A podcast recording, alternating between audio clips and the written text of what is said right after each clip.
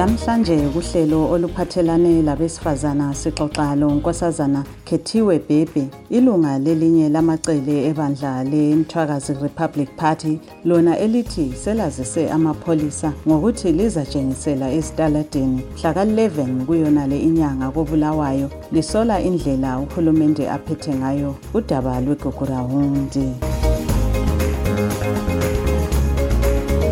Bingelele umsakazi labalaleli hayi ye kuliqiniso umsakazi ibandla lemthwakazi Republic Party liyenza i-peaceful demo ngoba sisola khonokho ukuthi kuthiwe udaba lolu luphathwe yizinduna. Izinduna msakazi labalaleli zi-under. Uhulumeni yena lo zi-under izanu PF payroll. Kunzima kakhulu ukuthi sikukholwele ukuthi izinduna zizokhululeka kumbe abantu bazokhululeka. Siyabona njalo ukuthi kulamalunga ebandla lakho ele-MRP alokhe evalelwe entolongweni agoqela abesifazana singabona libotshwa njalo. Hayi okwamapholisa lokwezimbabwe siyakwazi ukuthi lanxa i-constitution isivumela ukuthi nxa singabe silensolo sibhikitshe okulokuthula kulilungelo i-constitution iyakuvuma lokho kodwa siyazi ukuthi uhulumeni wezimbabwe nguhulumeni ovele esephula ilungelo labantu. Akukho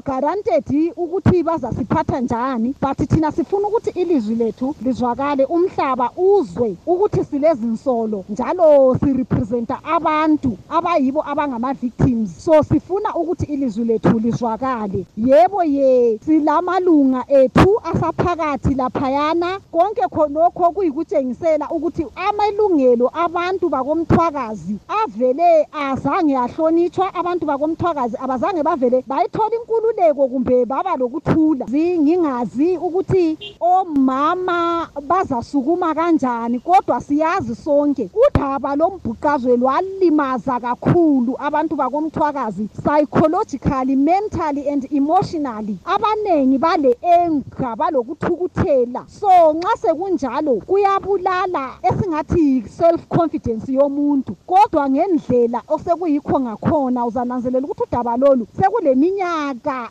kungakaze kwekuthiwe luyaphathwa. Is neither here nor there. I believe ukuthi kwabanye sebengaba lokwesaba kodwa kwabanye bakhona abazosukuma bebe strong bethi this is the chance this is the opportunity ukuthi sisukume sikhulume. So abaningi mbona besukuma kakhulu omama bakomthwakazi mbona besukuma. Kodwa nje into esiyisolayo yikhonokho ukuthi kuzoba compromised. Lezo zinkulumo kuzoba compromised. Abantu bazafila intimidated. Phela. Izinduna zona ngokwazo zingama-victim. Mina ngibona ingani lazo kuyazihlukumeza igugurawundi was a genocide. Kumele ibe le-independent commission eyiyo eluphenyayo lolo daba. Njengoba sabona labana abantu abangu-six ababulawa eharare kubuya i-international commission imunhlanhla commission. So kuyasihlukumeza singabantu bakomthwakazi ukuthi why ukubulawa kwezinkulungwane ezi-more than forty kuthiwe kuphathwa izinduna ukukhulunyiswana kwangikhona kusuka khonapho nje kungani akuphumi kahle. Okunye esikusolayo msakazi labalaleli ukuthi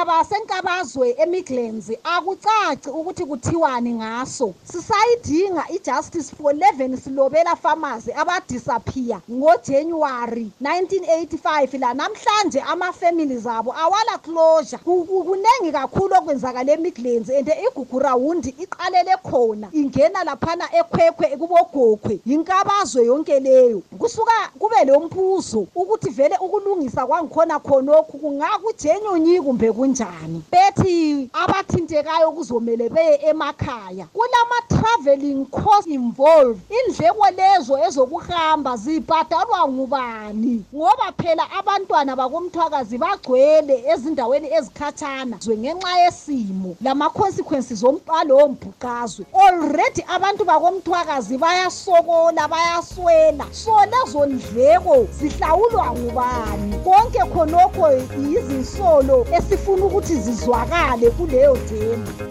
leyo bekuyingxoxo lo nkosazana khethiwe bhebhe ilunga lebandla lemthwakazi republic party. Asidibaneni njalo kuhlelo lwethu oluphathelane labesifazana esilethulela lona ngigqibelo yonke. Lilami usithandekile mhlanga ngikhonapha ewashington dc